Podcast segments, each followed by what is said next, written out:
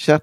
desember har det blitt nå. Eh, bak eh, dagens luke så finner vi eh, Silje Halstensen, som eh, veldig mange sikkert kjenner bedre som artisten Bendik. Og jeg lurer på en ting, jeg, eh, Chris. Så du på 71 grader nå, Norges tøffeste kjendis, eh, denne sesongen her, altså i år? nei, men jeg har bare sett et klipp derfra. Ja, det er det.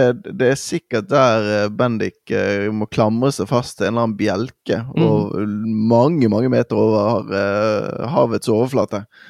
Og da dukker jo plutselig Aune Heggebø-sangen opp, litt sånn ut av det, det, blå, egentlig. Men plutselig så står hun der og ser ut som hun har det sikkert fryktelig vondt og biter tennene sammen. Og da dukker teksten til Aune Heggebø opp, som vi kjenner så godt.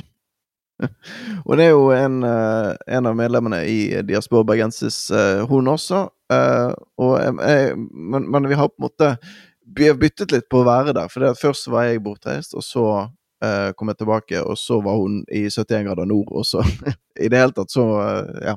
Så jeg har vært litt fram og tilbake der. Men hun, hun, har jo en egen evne til å gjøre eh, Brann litt mer eh, emosjonelt, på en måte. Altså, det, sånn som dette under Heggebø-klippet i 71 grader nå, som man finner på YouTube, forresten. Eh, hvis man søker opp eh, Søker opp 71 grader nord og Bendik, så er det faktisk det øverste treffet man får på YouTube. Der kan man se det. Um, der, der, får du litt sånn det emosjonelle med Brann inn, og det syns jo hun klarer veldig godt i det klippet som vi skal høre her nå, om det som egentlig er en helt ordinær bortetur, men som uh, som inneholder mye følelser. Vi, eh, vi gir ordet til eh, Silje Bendik Halstensen. Min, altså Silje, eller Bendik om du vil, sin sånn favoritthistorie er faktisk fra i år. Fordi den kampen i Ranheim, første seriekamp, den eh, står igjen som et av de beste minnene mine fra mitt liv som Brann-supporter. Det var snø, og det er jo mye spenning forbundet med snøvær i Ranheim fra før av, om det blir kamp eller ikke.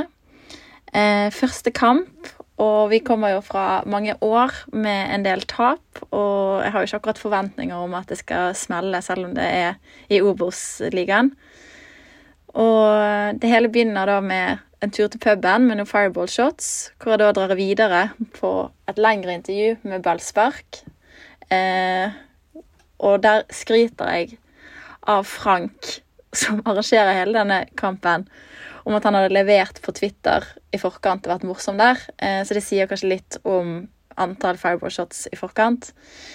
Men jeg drar derfra eh, og ser jo at det er selveste Hatten som er forsanger. Og det er jo en forsanger jeg er veldig glad i.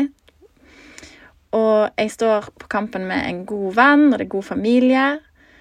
Og så skjer det utrolige. Det skjer keepertabber. Vi skårer flere mål. Eh, vi vinner med flere mål. Og sangen 'Biggen hadde rett' kommer eh, på tribunen. Og den har jo vært et soundtrack til hele dette året.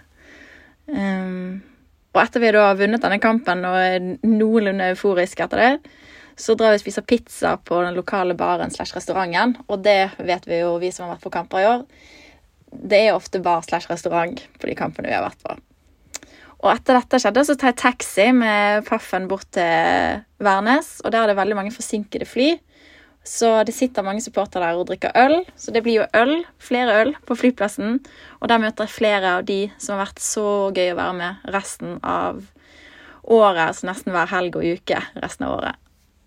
Og dette året har jo vært preget av enorme mengder livsglede og fylleangst. Så jeg ønsker dere god pause og god jul. Og så ses vi neste år på kamp.